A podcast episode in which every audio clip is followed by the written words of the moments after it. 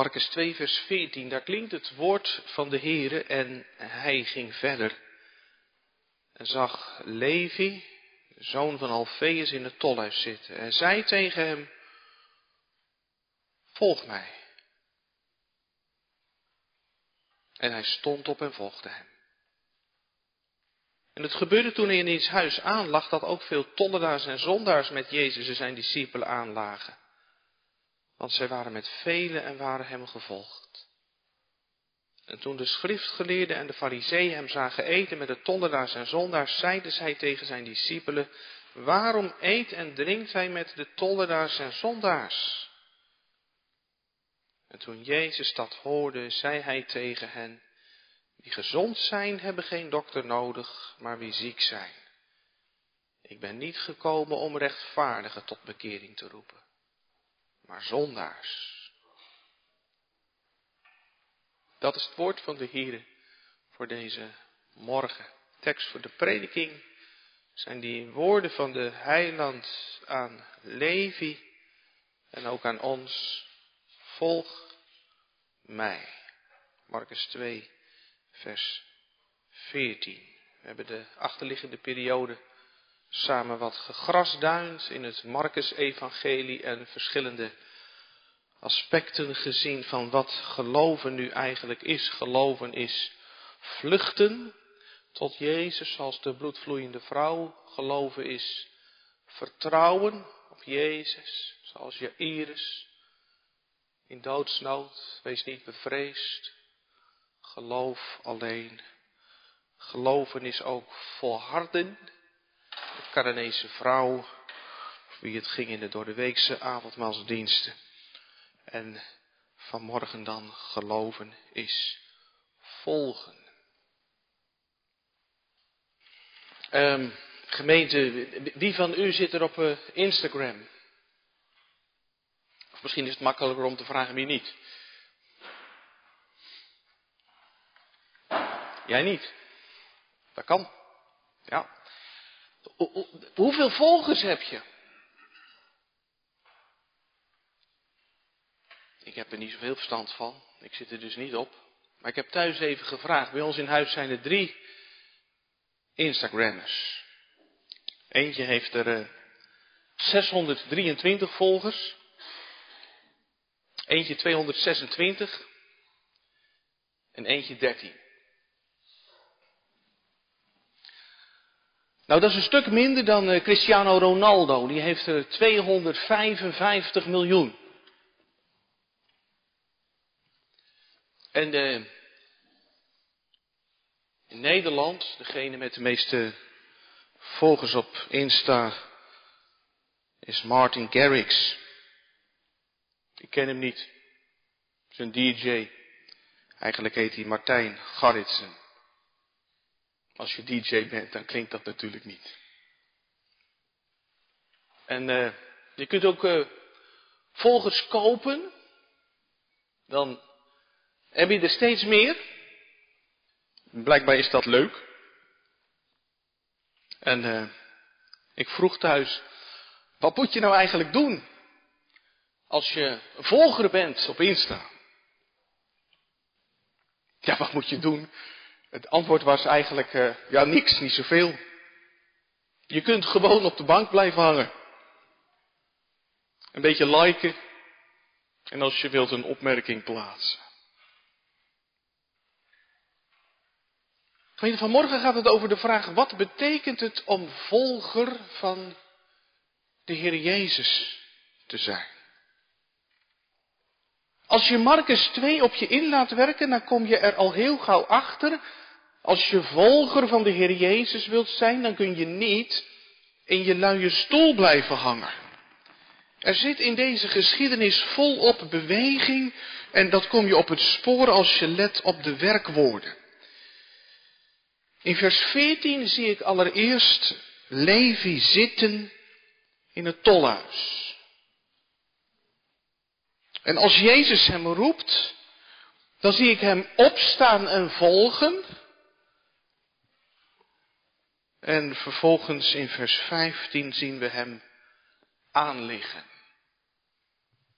Nou, aan de hand van die werkwoorden gaan we horen naar de verkondiging van het evangelie vanuit Marcus 2. Thema voor de preek, Jezus, ga ons voor.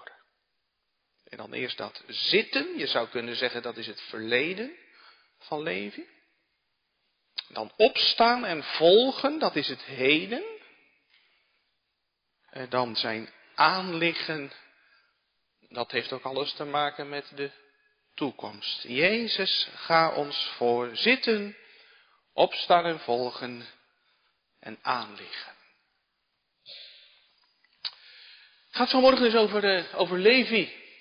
Je weet uh, vast wel wat je naam betekent. Uh, Levi. We hebben een Levi in de kerk vanmorgen. Levi is een van de twaalf zonen van Jacob geweest. Levi is een heel bekende naam in de Bijbel. En het is wel leuk om even te kijken naar hoe komt die zoon van Jacob nu aan zijn naam. Jacob heeft twee vrouwen, dat weet je jongens en meisjes. En van eentje houdt hij meer dan van de ander. Hij vindt Rachel liever dan Lea. Alleen dan krijgt Lea wel kinderen en Rachel niet. Maar er verandert eigenlijk nog weinig. Lea voelt nog steeds aan dat Jacob meer van Rachel houdt. Maar dan baart Lea haar derde zoon en dan noemt ze hem Levi, want zegt ze, ditmaal zal mijn man zich aan mij hechten. Ik heb hem immers drie zonen gebaard. Levi, die naam komt van een werkwoord dat uh, zoiets betekent als zich aan iemand hechten. En daarom wordt het wel eens vertaald met de verknochte. Levi, de verknochte. En als een prachtige naam voor die ene stam.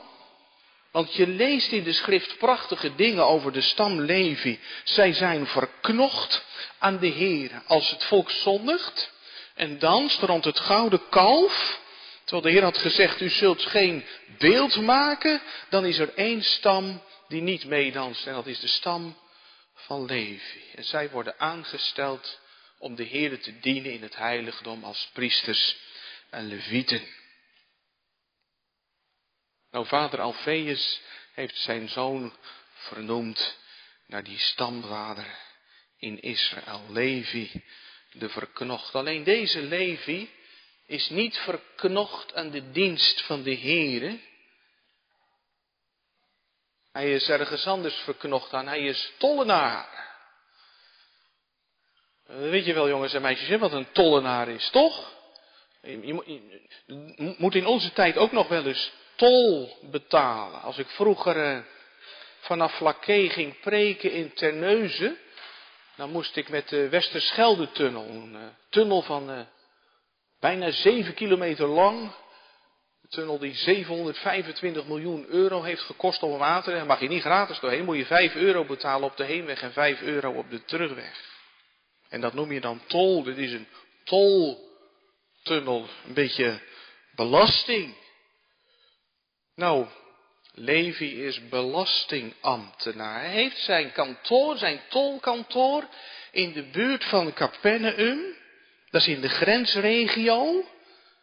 Bij hem moet je belasting betalen als je reiziger bent en als je goederen vervoert.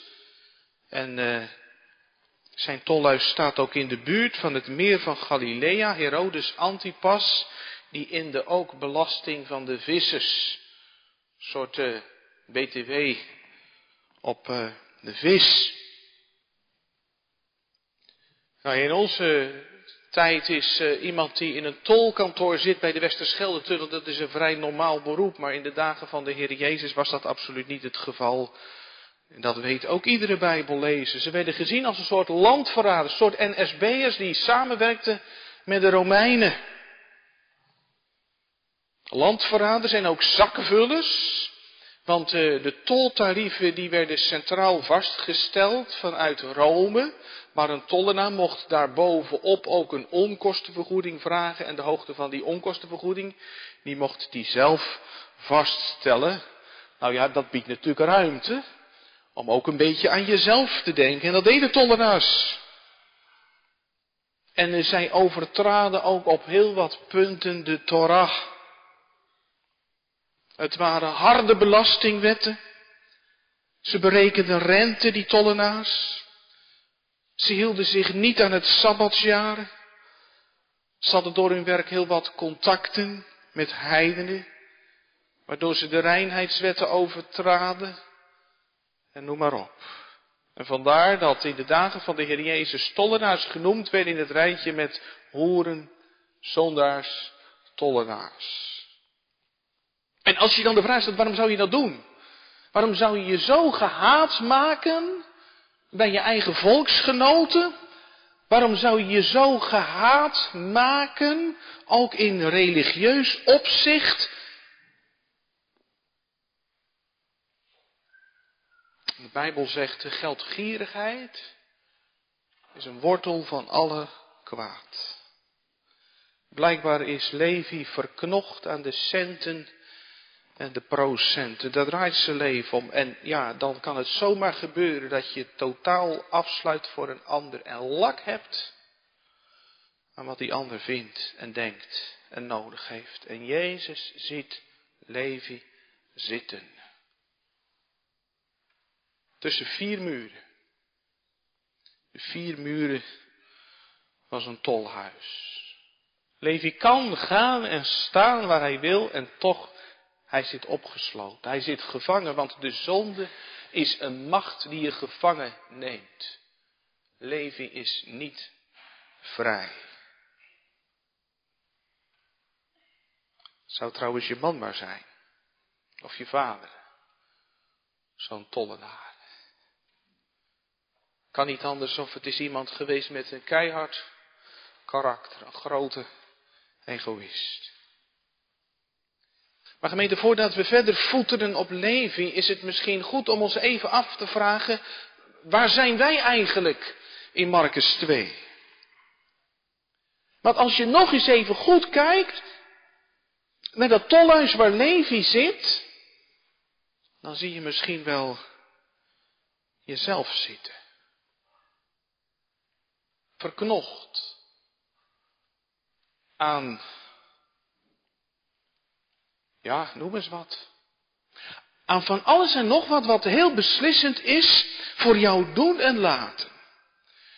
Want je kunt natuurlijk aan geld verknocht zijn, maar ook aan andere dingen. Herodes was verknocht aan de troon. En daarom moordt hij alle jongetjes van 0 tot 2 jaar in Bethlehem uit. En Paulus is verknocht aan zijn rechtzinnigheid.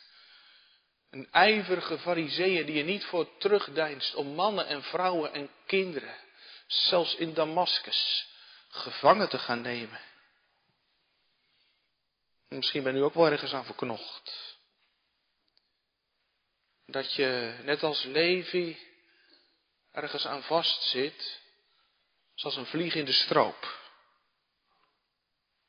Noem het maar afgoden. De afgod die je aandacht heeft. Je hebt er alles voor over als ze je maar zien. Of de afgod die porno is. En je houdt het angstvallig verborgen als ze het maar niet zien. En je zet huwelijk en je gezin op het spel. Of een alcoholverslaving. Verslaving aan andere verdovende middelen. En je geeft je gezondheid eraan. Op Leiderscategorisatie hadden we het afgelopen week ineens over de vraag. Eh, het ging over het avondmaal en over het censuur amorum. Moet de kerkenraad niet optreden tegen mensen die roken?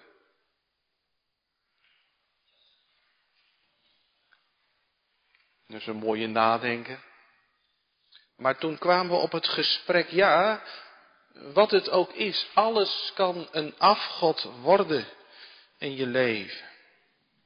Ook de dingen die misschien op zich goed zijn. Is niet verkeerd toch om goed voor je lichaam te zorgen, om te zorgen dat je goed voor de dag komt. Lichamelijke schoonheid is prima, maar mensen of een cultuur Waarin voortdurend getopt wordt en gepiekerd wordt over je uiterlijk. En je waardeert de ander pas als die voldoet aan de norm die er blijkbaar is. Dan wordt het zomaar een afgod, een macht. En gezondheid is een zegen. Maar wie zegt pas als ik gezond ben, heeft mijn leven zin. Die maakt van zijn gezondheid een God. En misschien is het in uw leven nog wel weer heel iets anders. Wat u gevangen houdt. Wat u in beslag neemt. Ik kwam eens een keer een paar helpende vragen tegen om voor jezelf na te gaan in je leven zijn en misschien dingen die zomaar in de plek van God komen of die, die, die naast God zo'n belangrijke plek in mijn leven hebben. Waar besteed ik mijn meeste tijd aan? Waar geef ik het meeste geld aan uit? Wat doe ik als ik eenzaam ben? Wat droom ik van? Hoe reageer ik op onverhoorde gebeden, op vervlogen hoop? Ben ik dan verdrietig, ga, ga ik weer verder? Of verga ik van woede en wanhoop? Misschien heb ik dan een echte God te pakken. Of denk eens aan je meest onbeheersbare emotie, je boosheid, je angst, je schuldgevoel. Is er iets wat zo belangrijk voor mij is dat ik het tot elke prijs moet hebben? Vragen om mij in te keren tot jezelf. Ben ik misschien verknocht aan iets wat mij blokkeert, wat mij gevangen neemt, waardoor ik niet vrij ben? Jezus ziet Levi zitten tussen die vier muren. En wat doet hij? Spuugt hij op de grond? Zoals andere Joden van zijn dagen als een tollenaar zagen. Nee, Jezus ziet Levi zit. Jezus ziet een dienaar van de Heer. Dat is een leviet, toch? Jezus ziet een dienaar van de Heer, maar dan eentje die ziek is dood, ziek. En als Jezus zondaars ziet, dan wordt er wat gaande bij hem gemaakt. Dat lees je vaker toch, dat hij innerlijk met ontferming bewogen is. Zo kijkt de heiland. Met vriendelijke ogen. En dan spreekt Jezus dat machtswoord volg mij. En dat brengt ons bij het tweede van de preek, opstaan en volgen. Levi komt in beweging. Het gaat van zitten naar opstaan en volgen. Dat kom je vaker tegen in de schrift. Dat is mooi om dat eventjes te zien. Uh, Eli, die zit op een stoel bij de deur van de tabernakel of hij ligt in zijn bed. Zo komen we hem tegen. Zittend, liggend. En dan roept God Samuel in de nacht en dan staat er dat Samuel opstaat. Tot uw lof en dienst bereidt. De nieuwe knecht van de Heer. Of denk aan de verloren zoon. Die in de modder zit met de varkens. En wat zegt hij dan?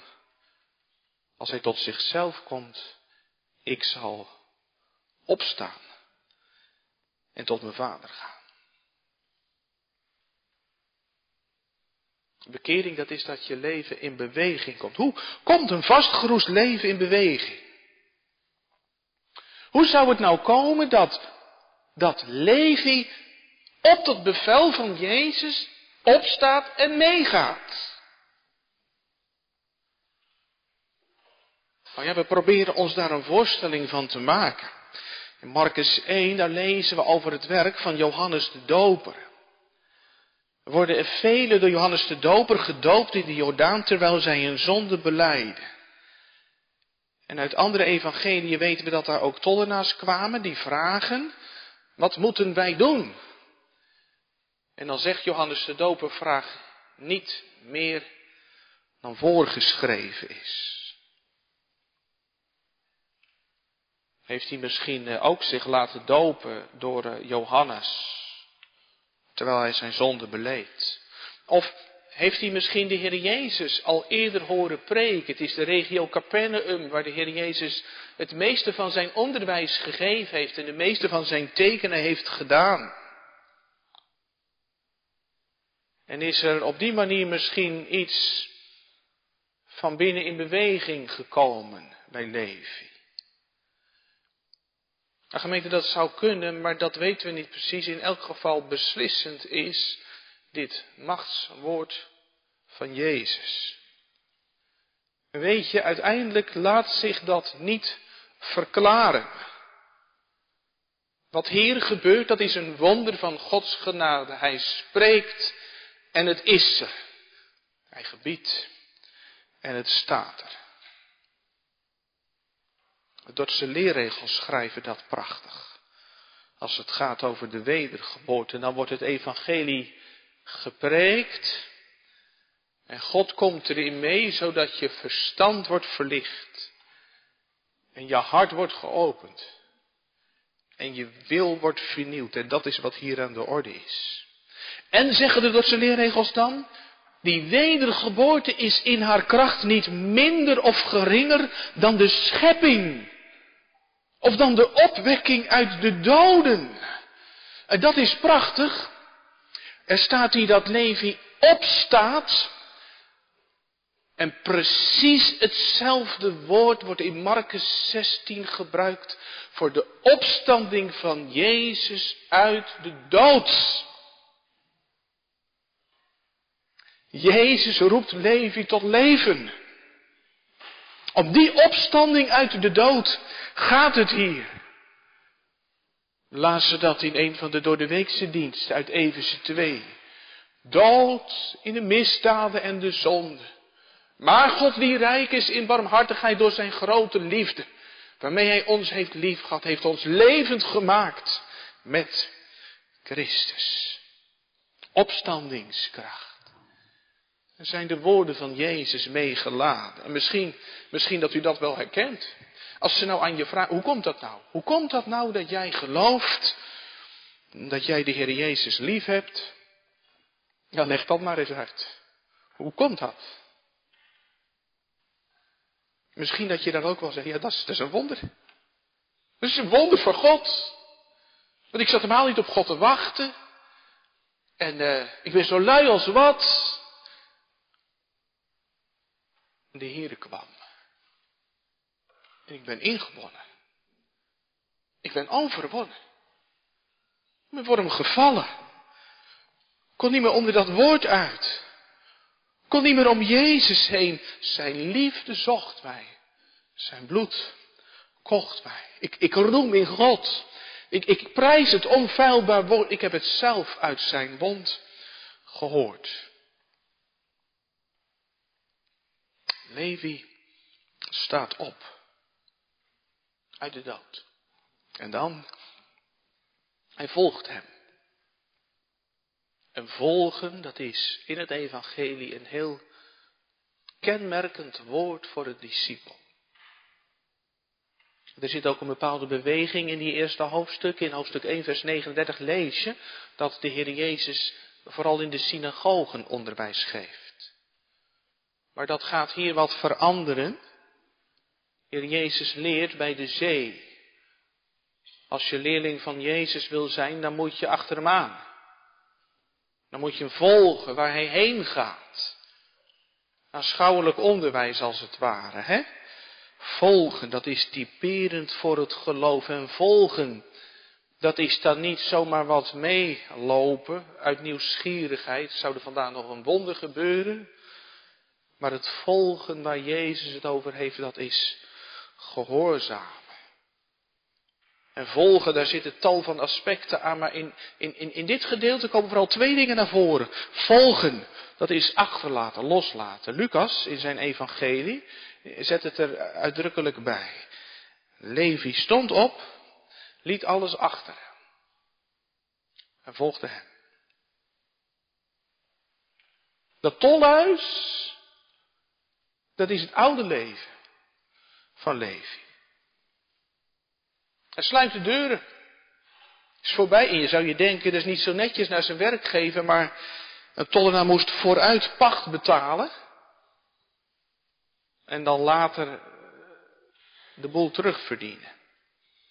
Dus als Levi van de een op de andere dag stopt, dan snijdt hij zichzelf in zijn vingers. Volgen, dat is loslaten wat jou verhindert om Jezus na te gaan. Dat is voor Levi zijn tolhuis, dat is voor de rijke jongeling zijn spulletjes, dat is voor Paulus zijn vroomheid. En wat is het voor u? Dat is misschien weer die vraag van net. Welke afgoden misschien in uw leven naar uw hand dingen. Heb u hem scherp voor uzelf, wat een afgod voor u is. We zeggen nog wel eens eigenlijk, hè? Eigenlijk zou ik.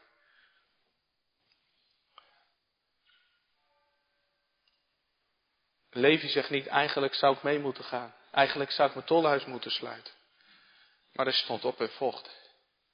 Wat niet radicaal zijn, dat kan zomaar je val worden. Denk aan de vrouw van Lot, zegt de heiland ergens. Die gaat wel weg uit Sodom. Maar ze kijkt halverwege om. Omdat haar hart daar is achtergebleven. Jezus volgen, dat is loslaten, achterlaten van dat wat je blokkeert om Jezus te volgen. En nog een aspect. Volgen, dat is je leven gaat om de Heer Jezus draaien. De Heer Jezus zegt niet volg mij, hij zegt niet volg, volg de wet, volg de regels, maar volg mij. En dat is niet om het even, toch? En ook heel wat uh, kerkgangers die dat er misschien van maken. Christen zijn, kerkganger zijn, dat is de regels volgen. Wat is typerend voor een christen? Nou ja, zijn taalgebruik, niet werk op zondag en noem nog eens een paar van die dingen, maar de kern is Jezus. Hij krijgt het stuur in handen. In openbaring 14, daar gaat het over die menigte voor de troon. Wie zijn dat nou? Nou, dat zijn zij die het lam volgen, waar hij ook heen gaat. En dan merk je het in openbaring 14, de massa gaat achter het beest aan. Maar als christen volg je het lam.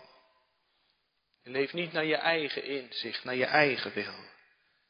Maar in alles wat je doet, Jezus in het oog, al kiest iedereen een andere weg. Volg mij. Levi stond op en volgde hem. Misschien is iemand in de kerk of in Ebenezer of thuis die zegt, riep Jezus mij maar zo persoonlijk. Dat is aan de buitenkant niet altijd te zien. Maar er zijn ook vandaag mensen die aan een zondig leven kapot gaan. Mensen die een ziek leven leiden. En die zielsgraag terug zouden willen.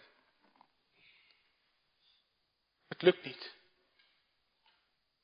Vastgeroest. Ze wachten op die uitgestoken hand. Gemeente, daar is die vanmorgen. Die uitgestoken hand van de heiland. Jezus komt nu in het woord voorbij. Want als Jezus zijn discipelen de wereld instuurt, dan zegt hij, wie u hoort, hoort mij. De Heere roept ons net zo persoonlijk als Levi door de verkondiging van het evangelie. Weer door zijn leerregels, opdat de mensen tot het geloof worden gebracht. Zendt God goede dieren verkondigers van de zeer blijde boodschap, tot wie hij wil en wanneer hij wil, door wier dienst de mensen geroepen worden tot bekering en het geloof in Christus de gekruisigde. Jezus roept vandaag door de dienst van mensen. En hij meent het.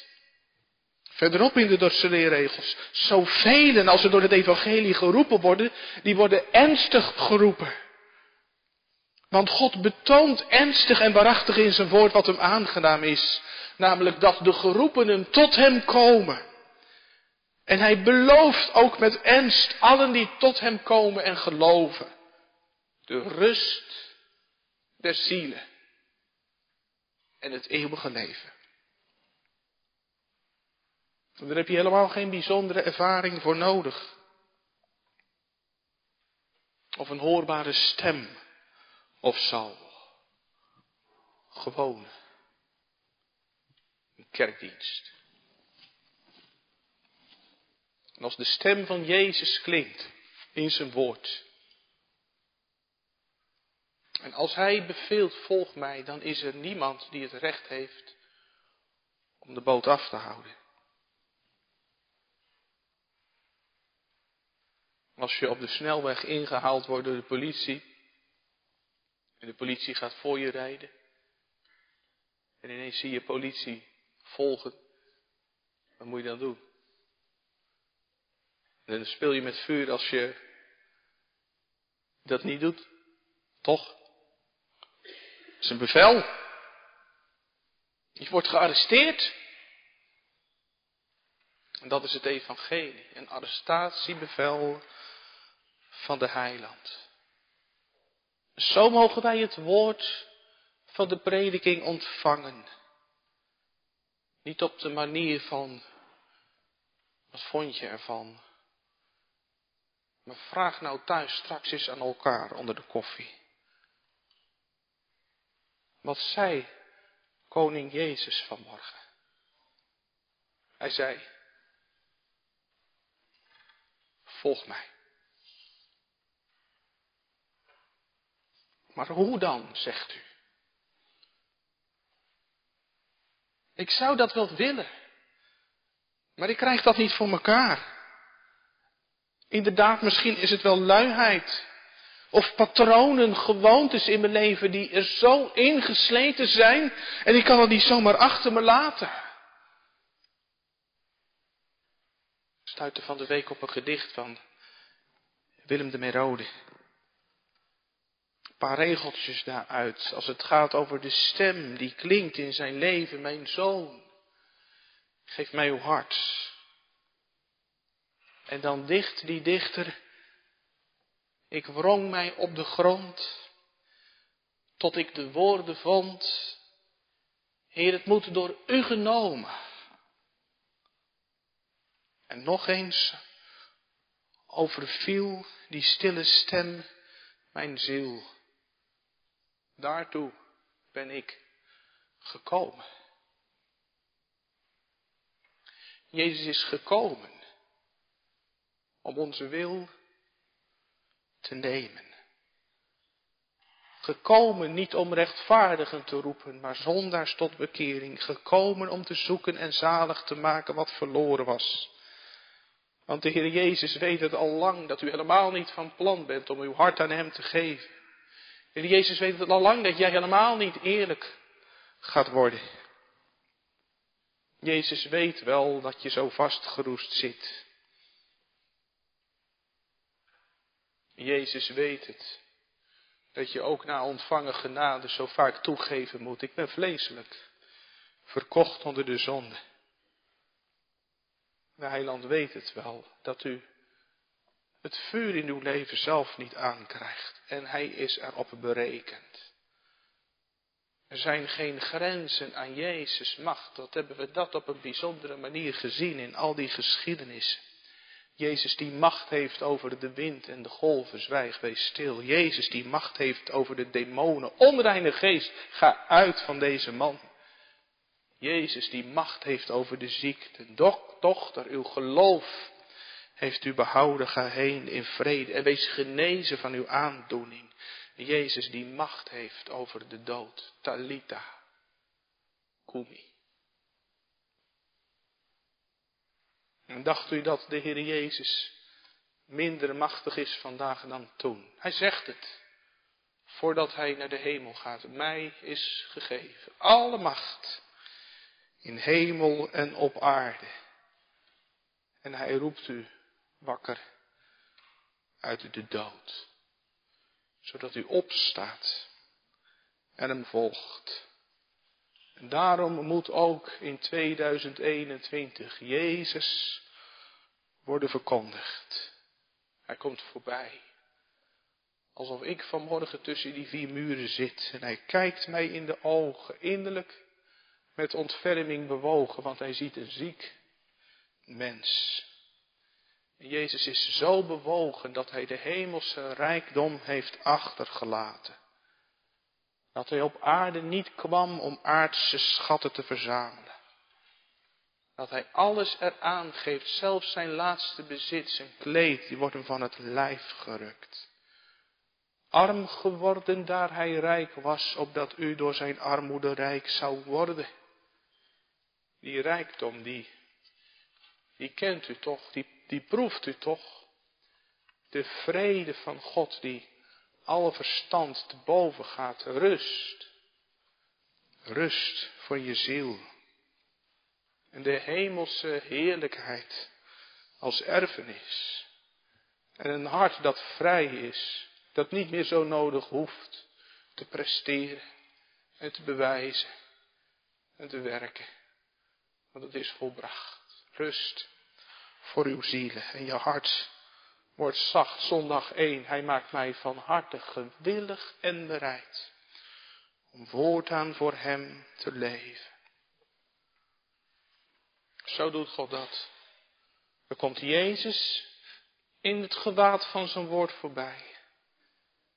En je wordt niet achter hem aan geslagen, maar door hem meegetrokken met koorden van liefde. Dat is Marcus 2. Iemand die van harte gewillig en bereid is om voortaan voor Jezus te leven, ingewonnen door de kracht van zijn liefde. En dan nog dat aanliggen. Want Levi organiseert een soort afscheidsdiner voor zijn collega's. Dat is trouwens wel heel mooi, hè? Hij schaamt zich niet voor het evangelie. Natuurlijk niet. Hij gaat promotie maken. Hij wordt een discipel van Jezus. hoe ben je aan die baan gekomen, Levi? Nou ja, hetzelfde antwoord als wat u misschien zou geven. Zijn liefde zocht mij. Zijn bloed kocht mij. Wat ga je verdienen, Levi? Wij steken het hoofd omhoog en zullen de eerkroon dragen. En dan moet je eens naar binnen kijken in het huis van Levi. Dat is een prachtig tafereel. Een uitbeelding van het evangelie. Jezus die eet met tollenaars en zondaars. Zoals het ook afgelopen week was. In de avondmaalsdiensten.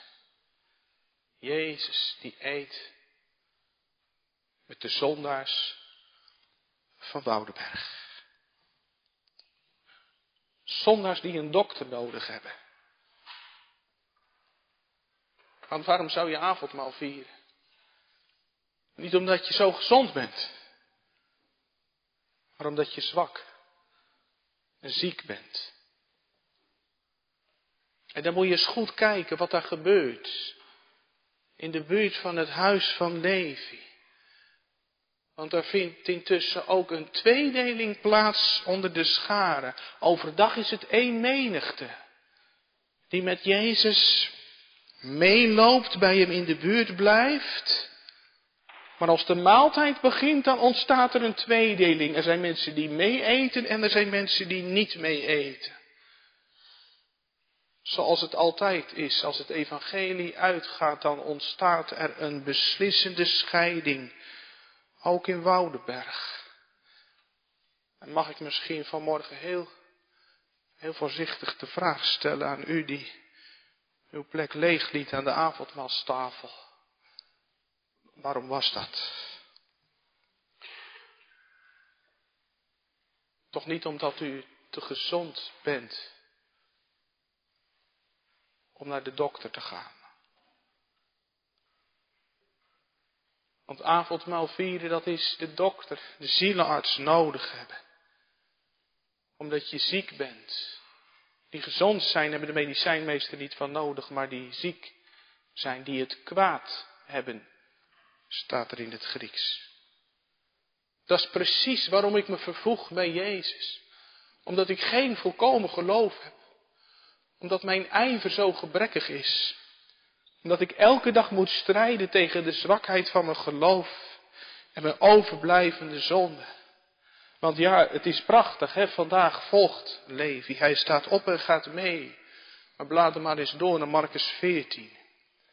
Dan zegt Petrus, al moest ik ook met u sterven, Heer Jezus, ik zal u beslist niet verloochenen. En evenzo spraken zij ook allen, ook Levi. Hij volgt hem. En amper twintig versen verder. En zijn discipelen verlieten hem en vluchten allen. En toen volgde Levi niet meer. En misschien zegt u dat is precies mijn leven. Want vandaag zing ik het met mijn hart. Ik zet mijn treden in uw sporen. Maar ik bid er ook achteraan. Ga mij met uw heilicht voor. Want ik weet het nu al. De volgende avond als zondag moet ik weer komen. Omdat ik het kwaad heb. Met lege handen. En ik heb het zo dringend nodig. Dat u me opzoekt, Heer Jezus, en steeds weer roept, volg mij. En u bent de vorst van Pasen. Als u dan met Christus opgewekt bent, zoek dan de dingen die boven zijn. Mijn vlees is als de zwaartekracht, het wil altijd weer naar beneden. Maar de geest trekt mij naar boven, waar Jezus is. En dan werkt Paulus dat uit hè, in Colossense 3. Lieg niet tegen elkaar. Hoe komt het zover dat je niet meer liegt? Als je leven georiënteerd is op Jezus. Die van de waarheid kwam getuigen, die altijd de waarheid sprak, die de waarheid is. En vergeef elkaar. Hoe leer ik vergeven? Als ik let op Hem die mij vergeven heeft. En doe de liefde aan, zegt Paulus. Zoals Christus dat slavenschot aantrok om de voeten van zijn discipelen te wassen. Elke dag weer, nee tegen alles waaraan ik verknocht ben. Omdat ik besef, ik ben niet meer van mijzelf, maar het eigendom van mijn trouwe zaligmaker die mij kocht met zijn kostbaar bloed dat we zagen vloeien in de wijn aan de avondmaalstafel. Hij die verknocht was aan zijn vader, zodat hij in de dood gehoorzaam was. Hij die zo verknocht is aan zondaars, die ze zo lief heeft dat hij voor hen sterft. En dat moet hij alleen doen. Daar kan ik hem niet volgen, inderdaad. Levi niet. En ik ook niet. En toch, en toch ben ik bij hem. Want de hoge priester draagt de zijnen in zijn hart en hij zegt, ik heb voor u gebeden. Dat uw geloof niet zou ophouden en als hij maar met ons meegaat en voorgaat, dan kun je thuiskomen. Dat zagen we toch in het leven van Jairus. En Jezus ging mee. En op het dode punt draaide de rollen om. En Jezus ging voorop door de nacht van strijd en zorgen. Zo kan ik van maaltijd tot maaltijd steeds voor thuis gebracht worden door Jezus. Als iemand mij dient, zegt de heiland, laat hij mij volgen.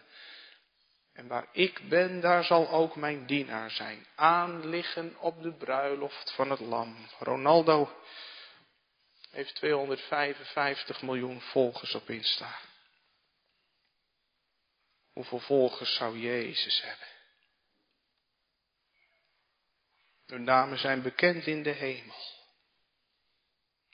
En Jezus laat alvast weten, ik zeg u, dat velen zullen komen van oosten en westen, noorden en zuiden. en zullen met Abraham en Isaac en Jacob aanliggen in het koninkrijk der hemelen. Een schare die niemand tellen kan, voor eeuwig verknocht aan Jezus. Met u erbij. Levi stond op. We hem. Wie volgt? Amen.